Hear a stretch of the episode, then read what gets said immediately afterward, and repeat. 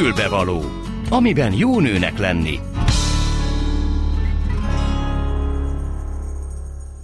Jó napot kívánok, tisztelettel köszöntöm Önöket a mikrofonnál, Gál. A mai műsorban először egy klasszikus női betegségről lesz szó, aminek a neve endometriózis. Ezzel kapcsolatban pedig Kunágnes Anna operaénekest fogjuk felhívni telefonon. Ez egy olyan betegség, amelyben a női szervezetben különböző fájdalmas összenövések keletkeznek, és ezek egyébként kapcsolatban vannak a női ciklussal is, okozhatnak menstruációs problémákat, sőt akár meddőséget is, ez lesz tehát az első témánk. Utána pedig Sutka Balást fogom felhívni telefonon, aki hát így a, a, az advent közelettével olyan túrákat szervez, amelyek alapvetően a lelket üdítik, a lelket teszik rendbe, ezek akár csend túrák is lehetnek, olykor jogával összekötve. Szóval egy kicsit arról fogunk vele beszélgetni, hogy mi mindent jelent ez nekünk, mennyit tölt föl, mit változtat az életvitelünkön. És végül fél kettőtől a hírek után Bajzát Sándor addiktológiai konzulens lesz a vendégem, ő élőben. Úgy értem élőben, hogy ő itt lesz a stúdióban. Vele pedig egy nagyon speciális összefüggéséről fogunk beszélgetni a függésnek, nevezetesen a családban való együttélésről, vagyis a társfüggőségről. Ez tehát a mai ajánlat. Tartsanak velünk, kezdjük már is. A Klubrádió női magazinja tényleg fülbevaló. És Kunágnes Anna, Ági, szia, itt van a vonalban, hello! Szervusz, köszöntöm a hallgatókat, és előre is elnézést kérek, egy másfél éves gyerekkel vagyok együtt, aki lehet, hogy néha bele okoskodik majd a beszélgetésbe. Jó, hát kíváncsian várjuk az ő véleményét is. Mielőtt az endometriózisról beszélnénk, azért hát kérdezem meg gyorsan, hogy hogy vagy, és okkal kérdezem, mert tudom, hogy hozzátok is bekopogtatott a Covid. Igen, én még pozitív vagyok a gyerekkel együtt. A férjem már szombaton és vasárnap negatív tesztet produkált, úgyhogy most már élheti vígan a világát. Még egy kicsit úgy taknyosak vagyunk, meg kis hőemelkedés, de egyébként három oltás után Istennek gyakorlatilag szinte semmi bajom, és, és a, a gyerek meg még anyatejen él főleg, úgyhogy őt bízom benne, hogy ez védi. Nagyszerű, hát akkor ez is egy bizonyos értelemben való sikertörténet. De most beszéljünk erről a másikról, amiről szintén azt mondtam, hogy ti, ti itt egy nagyon, hát hogy mondjam, pozitív tapasztalattal vagytok ezzel a betegséggel kapcsolatban. És tudom, hogy van egy ezzel kapcsolatos, tehát az endometriózissal kapcsolatos kampány is, de mielőtt a kampányról beszélnénk, kérlek szépen, hogy meséld el, ha lehet a saját sztoridat. Hú, a saját történetem elég hosszú, próbálom röviden összefoglalni. Én már fiatal lányként is gyógyszereket kellett, hogy szedjek, mert egyáltalán nem volt ciklusom, de nem tudták még, hogy pontosan mi a bajom. És aztán 2009-ben volt egy teljesen felesleges vakbélműtétem, mert addigra már nekem olyan görcseim és fájdalmaim voltak, hogy azt hitték, hogy vakbélgyulladásom van.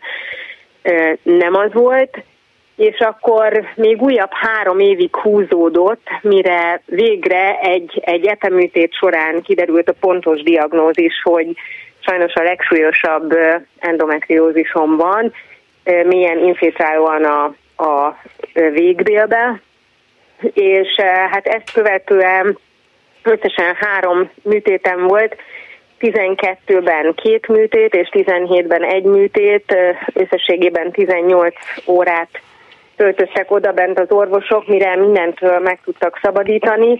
Nyilván a 17-es az egy kiújuló betegségnek a, a megoldása volt, és hát utána gyakorlatilag semmi esélyünk nem maradt, hogy, hogy kisbabánk legyen, és aztán én a, a, az utolsó műtét után két egymást követő évben is elmentem harkányba úgynevezett endometriózis utókezelésre, ez egy három hetes kórházi rehabilitáció, amely során mindenféle kezeléseket kap az ember, és a második után 19 tavaszán azt mondták, hogy hát most olyan kvázi jó állapotban van a méhem, hogy utoljára megpróbálhatjuk a, a baba tervezést, és kapunk maximum fél évet, azzal a tudattal, hogy, hogy az életemmel játszunk, és hogy havonta ellenőrizni kell, és nagyon oda kell figyelni,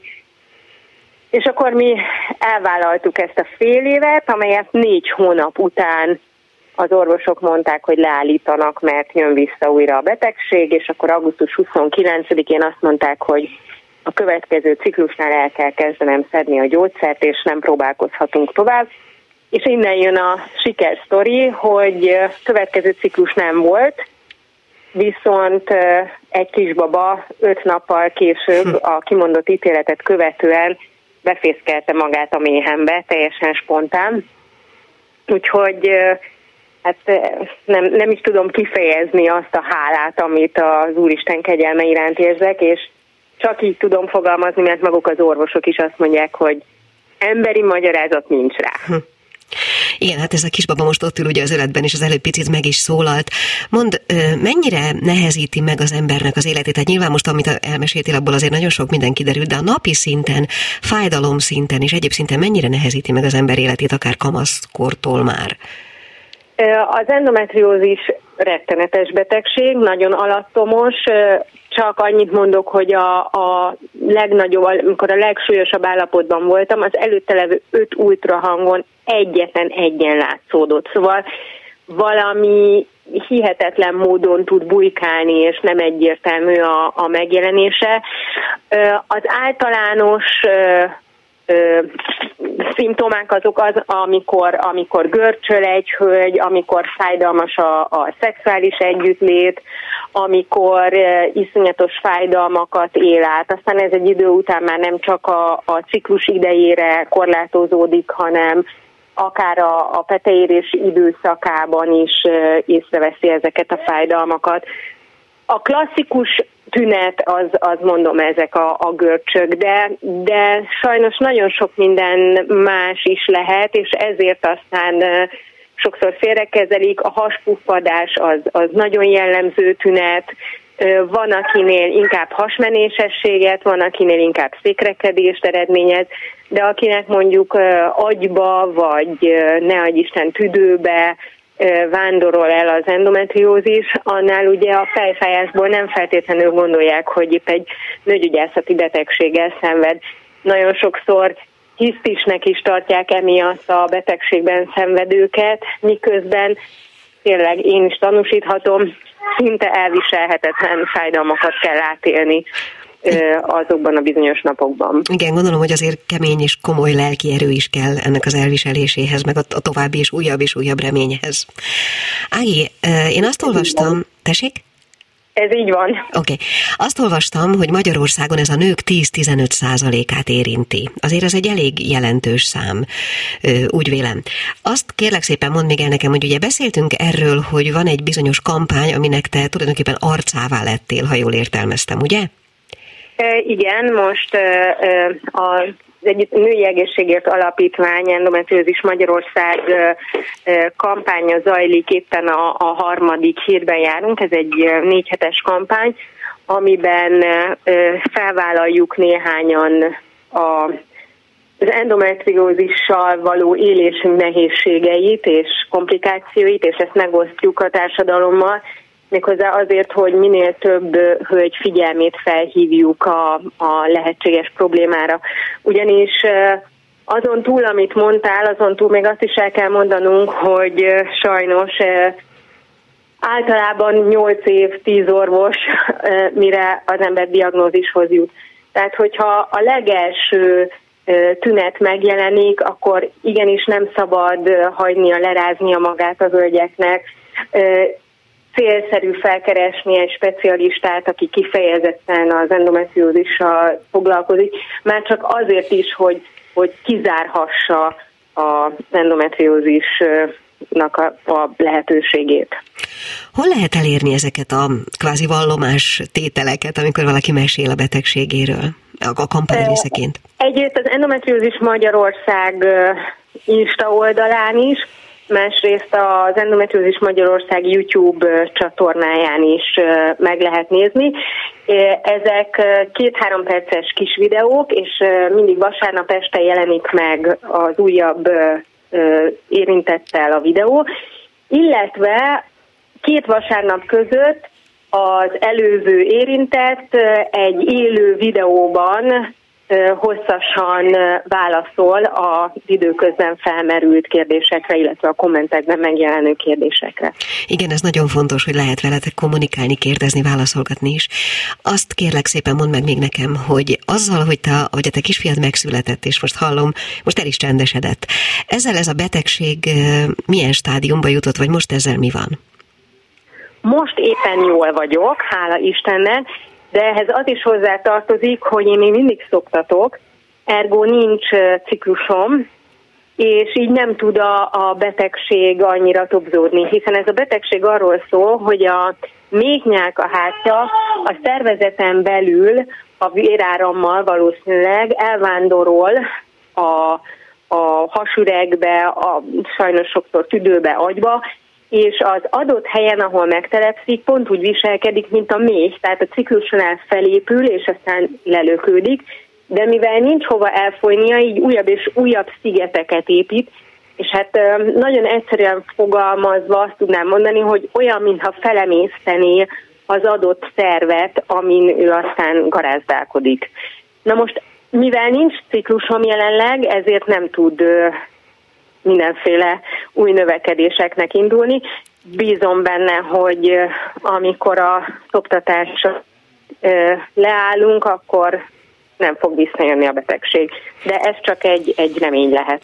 Viszont végszónak nagyon jó ehhez a beszélgetéshez, én kívánom, hogy legyen így, és azt is kívánom, hogy mindazok, akik hallgattak minket, és esetleg gyanúsnak érzékelik a saját ilyen-olyan tüneteiket, amelyeket Ági említett, azok nagyon hamar forduljanak így vagy úgy orvoshoz. Hát tudom, hogy mivel ez egy alattomos betegség, nehéz, amit mondok, mégis talán megelőzésképp mindenképpen érdemes és fontos ezzel foglalkozni. És hát tekintsék meg ezeknek a kampányvideóknak egy részét, vagy akár egészét, Visszakereshető egyébként az előzőekben elhangzott is?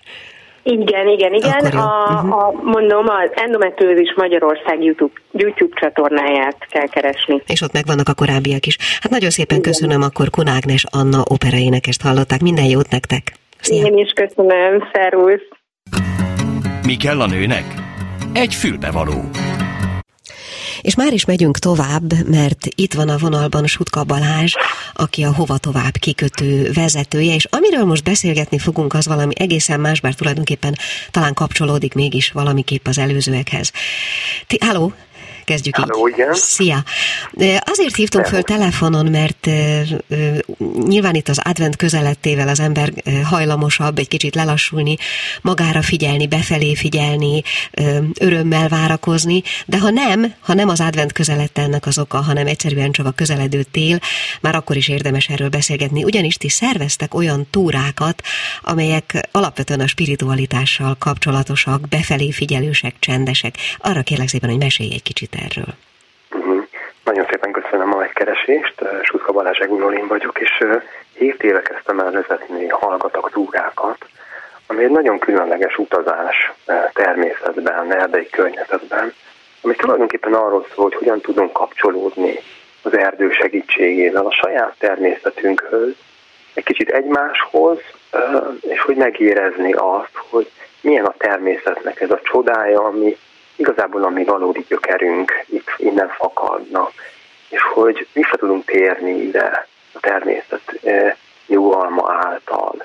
És ehhez annyit teszünk, mivel hallgatok túrának hívják, hogy, hogy kizárjuk a beszédet ebből a túrából, nincsen semmilyen szóbeli kommunikáció. És ez egy létrehoz egy olyan állapotot, amikor egy kicsit meg tudjuk állítani az elménkben folyton kevergő gondolatáramlatot, egy kicsit belekerülni egy jelenlét állapotába, abban, ami ott akkor jelen van. Kinyílnak az érzékszerveink, és elkezdünk a társainkkal, akiket azért nem is ismerünk, egy nagyon különös módon kapcsolódni. Egy nagyon különleges közösségi élmény jön a szavakon túl. És persze ez nem csak egy olyan túra, ahol csöndben vagyunk és sétálunk az erdőbe, hanem hanem eközben különböző gyakorlatok, feladatokat is megoldunk, amik, amik nagyon egyszerűek, és segítik azt, hogy, hogy még jobban észrevegyük a természet csodáit, a saját magunkban éppen zajló folyamatokat. És egy kicsit önismereti utazás is ez, ami nagyon gyógyító hatású. A bennünk lévő gyermeki állapothoz is nagyon jól tudunk így kapcsolódni, elszabadultsághoz, az örömhöz, És ahogy mondtad, talán ennek az évék időszaknak nagyon fontos része, hogy ide is visszataláljunk ebbe a saját nyugalmunkba. Úgyhogy például a karácsonyi időszak előtt, a 18-án decemberben, akkor szervezünk egy túrát Dobogókön, ahol, ahol egy kicsit el lesz vonulni ettől a nyüzsgő városi élettől, hogy megtapasztaljuk azt a csendet, amiben igazán fel tudunk készülni egy valódi ünnepre. Mond, mennyi idő kell ahhoz, hogy ez, ez rögtön megtörténik az emberrel, ahogy belép az erdőbe, és mm, hogy úgy mondjam, elhallgat, vagy mennyi idő kell ahhoz, hogy ez az átállás, amiről beszélsz, megtörténjen belül? Én azt tapasztalom, hogy ez teljesen személytől is függ, hogy hogyan éljük a mindennapunkat, mennyire vagyunk benne az állandó gondolat áramlatba. A természet tényleg segít, és, és azt hisz, én azt tapasztalom, hogy már viszonylag rövid idő alatt mivel nincs ott a beszéd kényszer, hogy nekünk mondani kell valamit. Az van ott, ami van. Az, hogy megfog egy levelet, hogy megszagolom az, az, az avar illatát, hogy belenézek a társam szemébe, megfogom a kezét, lehet, hogy becsukjuk egy kicsit a szemünket, elmélyünk. Figyelek egy bogarat, mint egy, mint amikor gyermek voltam, és nézem a bogarat, és kicsit elgondolok, hogy én is ennek a forgásnak a része vagyok hogy úgy én azt tapasztalom, hogy na, viszonylag gyorsan uh-huh. átkerülünk egy másik tudatállapotba, ami, ami azt gondolom, hogy, hogy az a részünk, amitől ebben a világban egyre inkább elszakadunk, ahhoz, hogy mi a természetnek a része vagyunk. Mond, az lényeges, hogy ebben nem egyedül veszek részt? Tehát, hogyha én egyedül bemegyek az erdőbe, gondolom, hogy akkor is megtörténik velem nagyon sok minden. Mi az, amiben ez más, hogy sokan vagyunk, vagy többen vagyunk? Nem nagy létszámmal szoktak ezek a túrák zajlani, maximum 15 fő, de általában ilyen nagyjából ilyen 10-8-10 fő körüli létszám szokott lenni, vagy valamikor kevesebb. Segíti azt a közösségi élményt, hogy, hogy látom, hogy a másik is járja a saját útját, ami hasonló, de nem ugyanaz. Itt nem csak a kitaposott ösvényen megyünk az utakon, hanem ez arról is szól ez az út, hogy megtaláljuk a saját utunkat az életben. Olyan üzenetek is jelennek meg ezeken a túrákon, amik, amik a mi életünkkel kapcsolatosak. Na ez több, mint egy egyszerű kiándulás lenne. Nagyon sok üzenete érkezik, és ebben a társaink is segítenek, mert amikor több ember összejön egy célért, akkor az ő bennük lévő gondolatok egymást is táplálják, túl a szavakon. Uh-huh. Látom, hogy ő hogy meg valamit, mit csinál, milyen, amikor megfogom, és mondjuk az a személybe egymást, az erdőbe szabadon, hogyan tudunk a kezünkön keresztül kommunikálni, mit sugároz nekem. Azt jól érzékelem, hogy ezeket a túrákat te vezeted? Igen, ezeket én vezetem, bár most lesz olyan túra, amit többen vezetünk, két társammal, Büki Tamással és Lengyel Krisztával, most vasárnap, egy igazi szakrális túra, ahol az élet-halál spiritualitás témáját fogjuk körüljárni, mert a kezdőben ezek egyszer vannak jelen. Ott van az élet, ami éppen születik, és ami lebomlik ugyanúgy, és így ennek a részévé tudunk válni. És bocsánat, és ez is hallgatak túra lesz? Igen, tulajdonképpen itt is a túra nagy részét csendben fogjuk megtenni, de ebben lesznek egy kis művészeti élmény is, mert hogy én azért alapvetően színházzal foglalkozom, ahova az kikötő az egy lakásszínház. Lesz ennek egy ilyen oldala is, amit nem akarok most még elárulni előre, de meg, megcsendülnek benne olyan pakrális élmények is, amik még mélyebbre visznek, és ugyanakkor meditatív gyakorlatok is lesznek, és lesznek benne olyan szellemi tanítások, amik segítik ezt a, a, az együttállásunkat a sorsunkkal, a lelkünkkel, és a természet ebben segít. Bocsánat, még egy utolsó kérdés. Azért kérdeztem, hogy te vezeted-e ezeket a túrákat, mert hm? érdekel, hogy számodra hoznak-e, egy, e, tehát hoz-e még egy-egy ilyen séta, egy-egy ilyen találkozás emberekkel, akár némán is, hoz-e még új élményt, újdonságot? Mindenképpen, minden túra más és más. Hogyha visszakerülünk abba a gyermeki állapotba, amikor, amikor nem azt gondoljuk, hogy mi történt tegnap, minden pillanatban benne vagyunk abban, ami van, akkor nincs, nem már unalmassá az élet, hanem mindig újat hoz. Most például egy éjszakai hallgatok túra volt hétvégén, csodálatos élmény volt egy teliholdas éjszakán. Ez megismételhetetlen minden túra Ha jelen vagyunk, akkor ezek csodává válnak. Úgyhogy erre hívom az embereket, hogy jöjjenek egy útra, hogy átéljék saját magukat, és azt, amiről igazából szól a mi életünk. Hát legyen így, remélem, hogy most többen kedvet kaptak hozzá, én nagyon szívesen kipróbálnám egyszer. Köszönöm szépen, hogy a rendelkezésünkre álltál. Nagyon Tehát szépen köszönöm. Sotka Balást hallották. Köszönöm. Viszont Folytatódik a Klubrádió ékszere, a fülbevaló. És köszöntöm itt a stúdióban Bajzát Sándort, aki addiktológiai konzulens, és akiről én most az utóbbi időben erre a beszélgetésre készülődve számos cikkedet olvastam, meg számos beszélgetésedet néztem meg, és hát mégis azért szeretném, hogy a hallgatóknak fölvezetnénk azt, hogy te ki vagy, és utána beszélgetnénk arról a témáról, ami miatt itt vagy, ami ugye a társfüggőség. Először is köszönök akkor, szervusz. Szia, igen. És köszönöm a meghívást. És kezdjük talán azzal, hogy ugye te mm, hát számos több évnyi tapasztalattal rendelkezel szerhasználattal kapcsolatban is magadat is úgy definiáltad, mint felépülőben lévő függő. Igen, igen, ezt, ezt mindig kérdezik, meg el is mondom, hogy 15 évig voltam intravénás kábítószer használó, ópiátokat, meg amfetamint, meg kokaint fogyasztottam. És olyan nagyon rutinosan tudsz erről a dologról beszélni, hallani a mondataidon, hogy ezek sokszor megfogalmazott hát, mondatok. Gyakorlatilag majd, hogy nem minden beszélgetés során ezt úgy mm, megkérdezik, és Azért most már szeretem azokat a beszélgetéseket, amikor ez tényleg csak a felvezetés, és nem mindig arról szól a dolog, hogy én hogy drogoztam most már lassan, mint a 30 évvel ezelőtt, mert ez 1984-től 98 végéig terjedő időszakot öleli annyit föl. mondjunk el, bocsánat, hogy talán azért nagyon fiatal voltál, amikor ez a dolog indult, nem? Hát érettségi után kezdtem el intravénásan kábítószereket használni, addig meg gimnazista koromban iszogattam.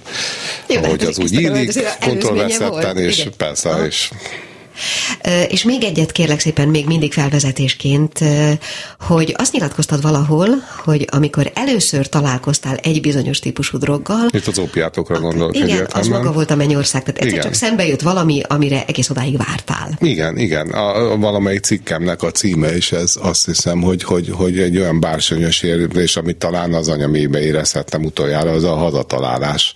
De gondolj, ez úgy van, hogy az embernek hiányzik valami, amiről maga se tudja, hogy mi Igen, igen, azt gondolom, hogy így, tehát nem tudtam soha megfogalmazni, nincs csak egy ilyen erős hiányérzettel éltem addig így a kamasz éveimet, meg azt gondolom a, a, a kisgyerek koromat is. Tehát hát, a... Találkozhattál volna bármi mással is amiről ezt érzed? Hát találkoztam sok mindennel, de egyik se adta meg azt a, azt, azt a bizonyos valami, ami pont kitöltötte bennem azt az űrt, vagy nem tudom, hogy hívják azt a, tudod, ilyen gyerekeknek, amikor ilyen be kell illeszteni puzzle, puzzle és akkor ez az hogy mondjam, az ópiát, tehát az ópiátok az valami pont olyan alakú pazlú volt, ami pont oda passzolt, tehát hogy valahogy számomra egy ilyen gyógyír volt a...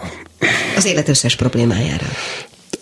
Igen, igen, és onnantól kezdve, bár ez a fizikai rész, az, az azért hosszabb idő, amíg fizikailag kialakul mondjuk a függőség, de hogy lelkileg én ott egyből tudtam, hogy hogy nekem ez kell, az, az, az biztos. Hát igen, csak pont ebben a villámcsapás-szerű felismerésben van az életveszélye egyszer, mint nem?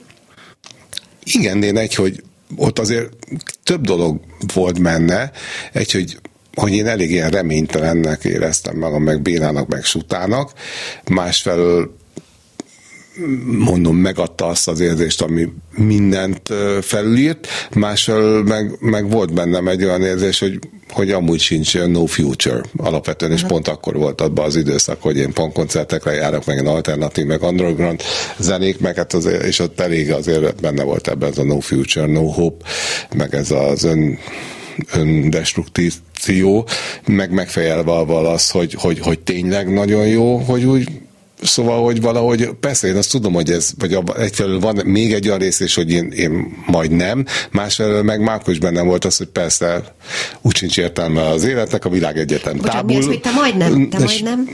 Igen. Az mi volt, hogy te majd nem? Azt nem pontosan értem. Hát úgyis valahogy meghalok, vagy hogy életképtelen vagyok, ja, vagy hogy tulajdonképpen Aha. minden mindegy. Aha. Nem tudom. De mondd, és ez az élmény, ez megadta az önmagad szeretését is? Hát, hát ez, ez jó kérdés, mert ez izgalmas kérdés, mert szerintem akkor, ott abban a pillanatban, amikor be voltam állva, akkor szerettem magam. Amikor meg nem voltam beállva, és most nem az elvonásra gondolok, mert ez egy külön tészta, akkor meg egyébként nem, mert pont azért volt jó ez a szer, hogy elnyomja a bennem lévő szorongás, félelmet, kisutúséget, önutálatot, tehát hogy itt most egész konkrétan úgy gondolok, hogy mondjuk itt a testkép, tehát hogy a testemet, hogy ronda nem szeretem, hogy ronda vagyok, Én. béna vagyok, Én. suta vagyok, luttalpas, eláll a fülem, kisportolatlan vagyok, minden. Na. Tehát, hogy, és akkor, és akkor van valami, amit amitől meg van, bennem van az a hihetetlen igen, biztonság, csak azt meg hogy ebből komfort, azért, hogy ki meg... nem szarja le, már bocsánat, tehát, hogy ebből ez következett, vagy az következik, hogy én vagyok a világon a legszebb, a legjobb is. Hát azt nem gondoltam, hogy én vagyok a világon a legszebb, meg a legjobb, de akkor azt gondolom, hogy valahogy éppen elég jó voltam magamnak, hogy mondjuk akkor úgy lépjek föl, vagy mentem mindenhova, meg szórakozni, hogy akkor rendben vagyok. Hát talán, vagy igen, szóval, Aha. hogy azért jobban nem mondom, hogy a, most olyan rohadt nagy sikereim lettek az élet egyéb területein, a drogozáson, meg a terjesztésen kívül, de hogy de azért így mit tudom én, vagy a lányok terén se lettem sokkal, mit tudom én, sikeresebb, azért persze lettek mm, tudom, helyes barátnőim, meg mit tudom én, de hogy azért alapvetően ettől se éreztem magam azért Adonisnak, de, de lényegesen jobb. jobban éreztem. De jobban marad, uh-huh. sokkal, tehát hogy sokkal jobban marad. Megmondom, miért firtatom ezt a kérdést, mert ugye arról fogunk beszélgetni, hogy hogy néz ki a társfüggőség, vagy hogy néz ki a függő ember a családban. És eh, arra gondoltam, hogy ha valaki végig küzdi a kamasz éveit, a legtöbben végig küzdjük a kamasz éveinket ezzel, hogy ronda vagyok, kövér vagyok, Persze. csúnya vagyok, nem szeretem, mit tudom én, nincs helyem a világban, no future, és így tovább.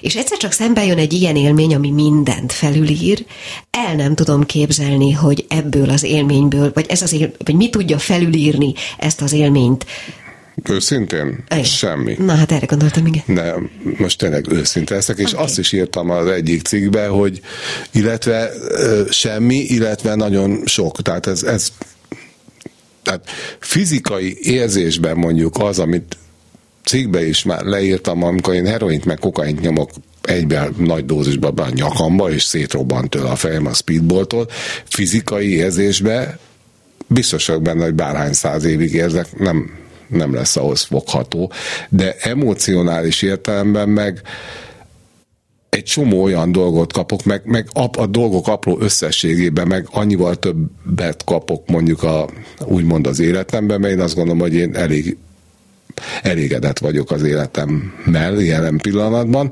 hogy azoknak az összessége meg mégis messze felülírja azt, hogy egy bizonyos valamire koncentrálható Értem. fizikai érzést, ami egyébként tényleg egy jól sikerült orgazmusnak is a milliószorosa, de hogy de összességében meg a, azon kívül, hogy az a 20 másodperc, vagy 30, meg az azt követő eufória, azon kívül meg ott a nagy semmi van. Értem. Így meg, így meg van minden, tehát hogy kapcsolat, anyagiak, elismerés, szórakozás, sportolás, kikapcsolódás, kultúra, meg minden, amit egyébként szép lassan teljesen elvett a, hogy mondjam, a szerhasználat, és ott ültem egy csupasz junkie lakásban, ahol semmi nem volt, csak véres recskendők meg tűk, szóval... Sándor, bocsánat, azért vigyorgok itt közben, mert eszembe jutott, én beszélgettem valakivel, egy addiktológussal, nem fogom most megnevezni őt, és amikor ő is magát egy leszokóban lévő függőnek nevezte, és megkérdeztem, hogy sok-sok évvel az aktív függés után miben éli meg, vagy mit, miben látja még mindig ezt az érzetet, és azt mondta, képzeld el, hogy ő hazamegy munka után, és neki áll sütni, süteményt sütni, és ahogy az kész van, betol belőle három tepsivel. Mm. Meg elkezd sorozatot nézni, és akkor nem egy epizódot, vagy egy évadot néz meg, hanem mondjuk Igen, az elérhető összeset. Érted? Tehát, hogy a dolognak az a része, hogy kell még, még, meg még, meg még, az megmaradt.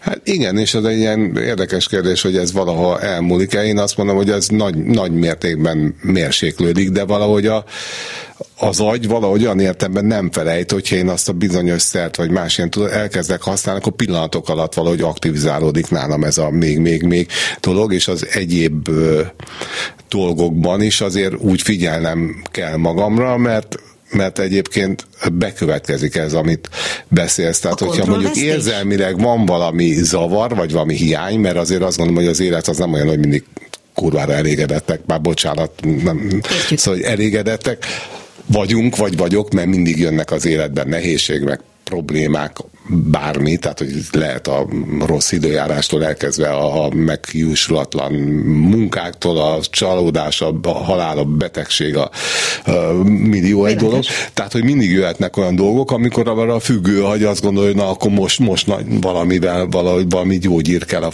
fájdalomra, és akkor elkezdek mondjuk ilyen egyéb pótcselekvésekbe bonyolódni, de a felépülés során meg azért tanulok egyre jobb ilyen megküzdési stratégiákat, tehát hogy ezek már nem olyanok és olyan pusztító erejűek, mint Tisztesen. korábban. Ráadásul miután foglalkozom úgymond magammal, megjárok pszichoterápiába, megjárok csoportba, meg mit tudom én, sokkal hamarabb felismerem ezeket a dolgokat, és mondjuk még idejében nyakon csípem, a béna, mindegy. Tehát, hogy idejében fölismerem, hogy valami gáz van, és akkor tudok rajta változtatni, vagy megnézem, hogy igazából honnan fakad az a dolog, ami miatt én most ilyen nagyon erősen kompenzálok, meg teszem azt én én is ilyen rengeteg, én abszolút ilyen kaja addikt vagyok, én is, de ez a, tehát vagyok annyira hiú is, meg minden, hogy, hogy ez a három tepsi sütemény valahogy ilyen formában, annyira nem, mert én érzem, hogy íztam egy vagy két kilót, akkor izé van, tudod, dzsihád, Értem. szóval, hogy Oké. akkor el... De azt is szélsőségesen sem. Persze, persze, abszolút. Na jó, szerintem kb.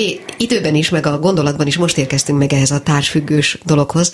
Mert hogyha ez ilyen, amiről most beszélsz, ez az élmény ilyen, ez a, ez a fajta fizikai és lelki kötődés ilyen, hogy a túróba tudok én annak a kamasznak, fiatalnak, szülőként, partnerként, tesóként, bármiként segíteni. Mert ugye azt gondolom, hogy a társ függőség definíciója az, az kb. úgy néz ki, hogy az én életemben nem én vagyok fontos, hanem őt akarom valami módon megváltani, és minden porcikámmal és minden akarásommal oda kötődöm, hogy neki jó legyen. Beviszem hát a gyárba, tessék megszerelni.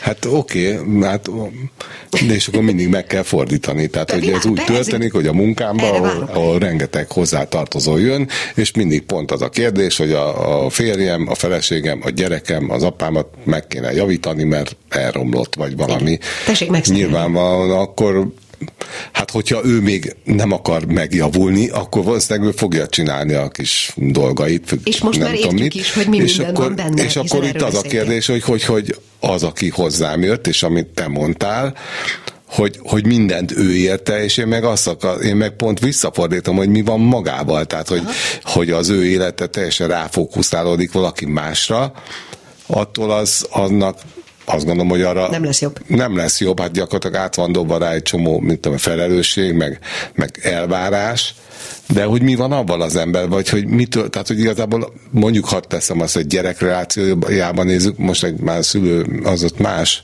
de hogy már mondja, hogy az apám iszik mondjuk, vagy Igen. valamit azért más, tehát hogy nem mondom, hogy de a gyereknél azért ott az a mintakövetés a fontos.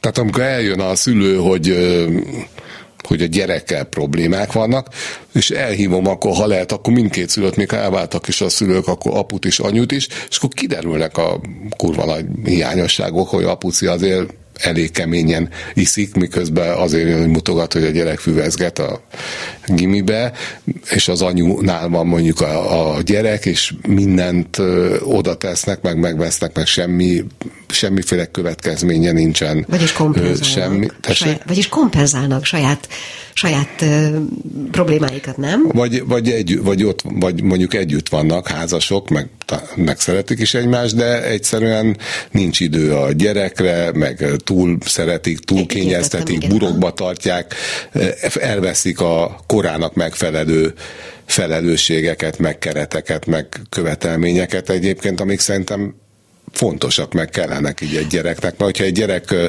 teljesen szabadon van hagyva, akkor azt gondolom, hogy az a gyerek bizonytalanságban van, mert nem tudja, hogy igazából merre Hogy hol hova. Igen, tehát Aha. hogy egyszerűen kellenek szabályok, meg keretek, egyébként minden függőnek ezek fontosak, tehát nem véletlen az, hogy a függőséget mondjuk a drog meg alkohol függő kezelésének a legjobb módja mondjuk a terápiás közösség vagy a rehabilitáció, ahol aztán tényleg az van, hogy ott meg van mondva, hogy mikor kell, mit csinál, hogy mit tudom én az elején, mert hogy teljesen elúsznak, tehát hogy a határoknak a hiánya, és egyébként a társfüggőknél is ez az, az a határtalan szeretet, meg a határtalan a másikért mindent megcsinálok, és akkor azt kérdezem, hogy igen, hölgyem, mondjuk, hogy egy hölgy van, és akkor magával mi van, a maga életével mi van, mi van a maga kapcsolat, ó, hát én nekem az már nem, elváltunk húsz évén azóta egyedül élek, és teljesen rá van gyógyulva mondjuk a gyerekére, vagy ha fia van, akkor mondhatjuk, hogy majdnem, hogy egy ágyba alszik fel, vagy egy szobában, hogy teljesen ő rá fókuszálódik, és akkor csodálkozik, hogy a gyerek, mint tudom én, lázadozik, meg, meg ilyen extrém módon próbálja a határait meghatározni, De mondjuk a leválás a, során. Aha, társfüggő az akárki lehet, vagy ahhoz kell egy speciális valami fajta érzékenység, vagy valami. Tehát mi, mi, mitől lesz az ember társfüggővé? Attól, aki beteg, vagy önmagában hordoz valamit, amitől alkalmas arra? Hát én azt gondolom, hogy önmagában hordoz valamit valahonnan, tehát hogy hozza ő is ezt a családi mintát, tehát hogy mm, hogy most például, magam? tesz, igen, de teszem azt, nem tudom, most is volt nálam, azt hiszem, hogy pont egy házaspár, és valahogy ott is ez volt, hogy, hogy nyilvánvalóan ott is már az anyja is társfüggő volt, az apja, mit tudom én, ívott, és élete végéig az anyuka kitartotta apuka mellett, aki 50 valány évesen halára itta magát, és akkor utána az van, hogy, hogy ő maga is kitart mondjuk mm, rossz kapcsolatban, vagy, vagy utána, és, a, és utána csodálkozik, hogy mondjuk a gyerek is, mit tudom én, nem csinál semmit, vagy drogozik, vagy valami, vagy mondjuk a lánya, és, és közben már az is drogosokkal, fiúkkal találkozik, de honnan tudná, hogy hogy kell meghúzni a határát, amikor nem tanulta meg az anyjától, aki szintén nem tanulta meg az ő anyjától. Tehát, hogy ott az a családi minta, hogy benne maradunk végletekig a rosszabbnál, rosszabb kapcsolatban, és mondjuk például gondold el, hogy mondjuk vidéken, ahol mondjuk tök erős mondjuk az egyház, és itt most nem az egyház ellen, meg a hitelen beszélek, de hogy abban benne van ez a minden áron együtt kell maradni, bármi is történik, tudod, ez a holtomiglan, holtodiglan, és akkor ebbe benne van, hogy itt nincs vállás. Tehát itt bármi történik, ott a faluban Jancsi, vagy a János, vagy a Józsi, vagy bárki bárhogy iszik, meg habuzálja a családot, elkendőzők nincs, és hogyha egy nő onnan el akarna jönni, amit egyébként nem nagyon tud, mert nem tudja megoldani, mert nem tud külön menni, plusz még ráadásul mondhatni, hogy még a falu is megkövezi, hogy hát az egy jó ember, jó, hát néha eljár a kezem, mert meg kicsit ibós, de egyébként, ha éppen nem, akkor meg mit tudom én, lehet rá. Igen. Igen, igen, igen. És akkor, ha valaki ebből ki akarna menni, de hova, hogy, hogy miből lesz neki ott arra pénze, hogy elmenjen, hol kap ő ott segítséget, meg ilyenek, meg, meg hát nincs erre minta, tudod? Tehát, hogyha mindenki úgy él, és úgy van, és azt mondják, hogy hát ez a nők sorsa és akkor itt ez ide is plusz nem válunk, és akkor ez így marad. De egyébként, hogyha mindez a kényszerítő körülmény esetleg nincs, tehát nem egy faluban, hanem egyébként egy városban szabadon tehetném, vagy tehát nincs ez az elvárás, akkor nem az van mondjuk a mélyén, hogy, hogy bármit csak egyedülne? Tehát nem az a bizonytalanság van egy, De, hát egy társfüggőben? Nyilvánvalóan egy társfüggőnő, aki egyedül, tehát a függőben benne van, hogy mindig kell valakire kapaszkodni, vagy valaki mással törődni, mert, mert igen, hogy, hogy én fontos vagyok, mert egyébként jaj, az életem nem ér semmit, én nem számítok, csak neki jó legyen ebbe, ez a teljes önmegtagadás, és ez egy meg egy tök rossz minta egyébként, mert hogyha a szülő is nem tud magának határt tartani, és időt és energiát fordítani magára, hogy jól legyen, hogy legyen élete, meg kulturálódjon, meg sportoljon, meg egy csomó mindent csinálni, amiket én igyekszek mondjuk ténylegesen csinálni így a felépülésben, akkor az a minta a gyereknek is, hogy meg a másik, meg hogy a gyereket ebben azt gondolom, hogy totál ilyen egoistává, meg önzővé nevelik. Ráadásul én látom, hogy ezek a gyerekek egy idő után szarba se veszik a szüleiket, tehát úgy beszélnek velük, mint az utolsó kapcarongyal. Hm. Tehát, hogy egyszerűen annyira egoistává válnak, hogy minden csak nekik értük, és semmilyen felelősség, meg következmény nincs arra, meg még a, nem pakol el maga után, mit tudom én, tényleg úgy beszélnek a szülők. Én látom, amikor ilyen jól szituált magas keresetű emberek ott szégyelve mondják, hogy egyszerűen úgy beszél velem a gyerek, hogy és akkor mondom, hogy hogy, hát nagyon csúnyán, mondom, jó, akkor mondja ki. Tehát, hogy, és akkor mondanak olyan dolgokat, amiket most itt azért nem, Aha. de lehet gondolni. Mondta, hogyha valaki megérkezik hozzá, ugye te tanácsadóként is dolgozol, hmm. pácienseid vannak, megérkezik hozzád valaki ezzel a problémával, mi az az első, amit megkér? Tehát, hogy azzal, hogy a gyerek, mondjuk a gyerekkel kapcsolatos problémával megérkezik, és mondjuk a szülő, mert általában ugye azt mondjuk, hogy a környezet, aki hamarabb keres megoldást egy bajra. Mit csinálsz? Hát az fontos kérdés az, hogy ki miatt van itt. Mert ő azt fogja mondani, hogy a gyerek miatt van itt, és az teljesen egyértelmű, hogy őt, őt majd elhozza, és akkor nagy esély, hogyha a gyerekben semmiféle változtatás iránti igény nincs, akkor én mondom, hogy jó, akkor hagyjuk a gyereket, magával mi van, maga hogy törődik, mi van a maga életében, maga hogy foglalkozik a gyerekkel, netán, hogy segíti abban, hogy a gyerek olyan legyen, amilyen. És akkor... Mit hoz ő magával, Aha. hogy él ő, milyen mintákat ad át, mennyire tud következetes lenni, hogy túlza meg a saját határait, és nagy valószínűleg sehogy, tehát akkor ez ugyanúgy jelen az életért. Tehát, hogyha valaki nem határtartó, az nagy általában az élet egyéb területein se szokott az lenni, vagy bizonyos területeken meg nagyon az munkából, nagyon kemény főnök, de egyébként meg lehet, hogy másban meg teljesen szétcsúszik. Nincs nagyon sok időnk, és muszáj, hogy ezt megkérdezem, állatira kíváncsi vagyok arra, hogy te, aki megélted azt a bizonyos hatalmas felfokozott élményt, amit igazából azt mondtad, semmi, semmi nem tud felülírni. Hogy, hogy, hogy lehet elképzelni, hogy lehet eljutni arra az állapotra, hogy én ezt, én ezt mégse akarom. Tehát meddig, meddig harcol az emberben az akarom, nem? Hogy lehet ebből leállni? Hát a... És most nem csak a te hmm. tapasztalatodra vagyok kíváncsi, hanem hogy lehet segíteni annak, aki segíteni akar valaki másnak leállni. Hát ezt a határ igen. dolgot, ezt most értem. Jó, jó, persze, értem. Tehát, hogy én azt hiszem, hogy amikor mondtad, hogy ez semmi felül nem én mondtam, nem felülírható, én mondtam, érzést ad.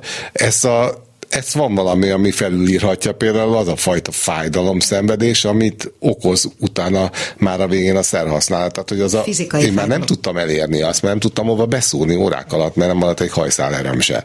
Tehát, hogy egy, egyfelől, amikor már nem megy, nem működik, vagy beadom, és már nem megy, vagy, tehát, hogy van az a pont, amikor úgy elfárad a szervezet, annyira elegesz, hogy egy egyszerűen így én erre ezt úgy fogalmaztam, hogy ez egy kegyelmi állapot, amikor egyszerűen az van, hogy így nem, nem, nem megy tovább. És akkor kell valami mást. És egyszerűen, amikor már annyira fáj, hogy annál már a drog nélkül élet és egy vonzóbb perspektívává jó, válik tartósan, nem csak időnként, Na, mert időnként le akarok állni. Jön, Igen, de ha valaki tényleg megüti a bokáját, úgy Isten igazán, akkor, és utána el is kezd foglalkozni magával, és nem csak annyi történik, hogy abba adja az általa választott szernek a használatát, hanem utána elkezd apró lépéseket tenni, és utána jönnek ilyen apró ilyen örömforrások, de közben nem felejti el azt a sok szart, amiből jön. Tehát, hogy erre mondjuk tudja magát emlékeztetni, akár úgy, ami nekem így a veszőparipám, hogy, hogy jár ilyen csoportokba, és nem felejti el, hogy honnan jön, meg próbál visszaadni valamit annál, annál újonabbban érkező leszokni akaróknak, akkor, akkor, és közben meg tényleg tesz azért, hogy lépéseket tegyen, hogy tanulásban, munkában, kapcsolatokban, sportban, hát hogy nem csak az, hogy ölbetett kézzel, hogy nem drogozok, mert abból izé, hogy, hogy újra drogozás lesz. Sándor, Tehát, bocsánat, nincs... mióta vagy tiszta? Hát most már több mint 19 éve nem ittam drogot, meg már 23 éve nem. És hányszor kísértett meg közben az újrakezdés? Mm, ezt most hogy érted? Hát hányszor fordult meg a fejedben, hogy de jó lenne? Hát most ezt honnan tudjam, az elején jó, sokszor, aztán most már meg már... el? Hányszor tettél bármit? Visszaestél? Hát nem, hát amit én mondok most, ez a ez 19 a év, az, az azóta nem ittam, nem dolgoztam, nem dohányzom, de a, például alkohollal visszaestem rá a bután, mert azt gondoltam, hogy drogfüggő vagyok, de az alkohol nem probléma. Aztán kiderült egy pár hónap kísérletezés után, de igenis nagyon-nagyon nagy probléma, én alkoholista módon iszom nagyon rövid időn belül.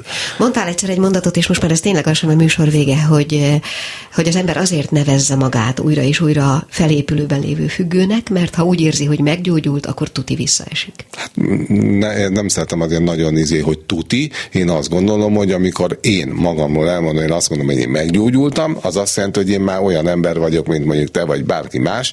A átlagember, aki időnként tud, mit tudom én, alkoholt fogyasztani, uram, bocsánat, más rekreációs drogokat, és akkor én nekem ez már működik. De azt hiszem, hogy nekem ez már nem jön soha vissza. Alapvetően meg nem is bánom, mert egyébként én már ittam annyit, meg drogoztam annyit, mint más húsz ember egész életében összesen, tehát én ezt kimaxoltam, és nincs is rá igényem, meg azt gondolom, hogy, hogy nincs is rá szükségem, mert gyakorlatilag éppen elég jó ahhoz az életem, hogy ne kelljen ilyen különböző, mit tudom én, pótszerek, maximum elvesztek egy pár nagyon jó ízt, mert azért egy nagyon finom, magas, nagy minő, nagyon jó minőségű bornak nagyon finom íze van, de azt gondolom, hogy ennyit megér, hogy ezt a részét az életnek mondjuk már nem uh-huh. nem fogom kielvezni, de közben meg annyi mindent nyerek vele, ami, hogy mondjam, tehát ez nem, nem lehet nem já, nincsenek egy súlycsoportban. Azt mondtuk ugye, hogy alapvetően a társfüggőségről fogunk beszélgetni, és annak a lehetőségeiről, de hát azért csak-csak belecsúsztunk a te történetedbe újra meg újra. Azt azért, és kérlek, hogy csak két mondatban gyorsan foglaljuk össze, ami a társfüggőséggel a legfontosabb dolog, ha jól értettem, akkor azok a határok, méghozzá nem is az ő határai, hanem az enyémek.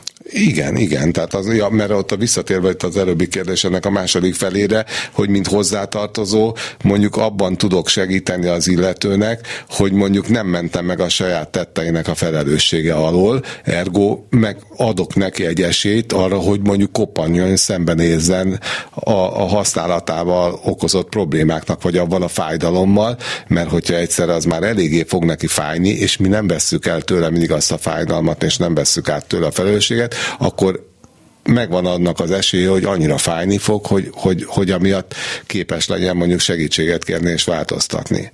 Na jó, hát akkor legyen ez a végszó. Ez most megint egy olyan beszélgetés, amit én szívesen folytatnék tovább, de lejárt sajnos az időnk.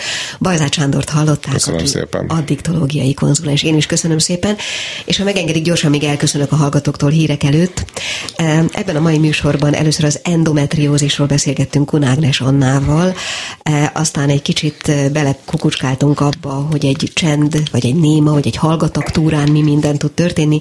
Erről Sutka Balázs mesélt a Hova Tovább kikötő vezetője, és végezetül Bajzát Sándorról hallottunk nagyon sok mindent saját magáról, illetve a társfüggőségről is. Remélem, hogy tanulságos és érdemes volt velünk maradni. Gál Ildit hallották, legyen ez így jövő héten is viszont hallásra. A Klubrádió nem csak nőknek szóló magazinját, a fülbevalót hallották.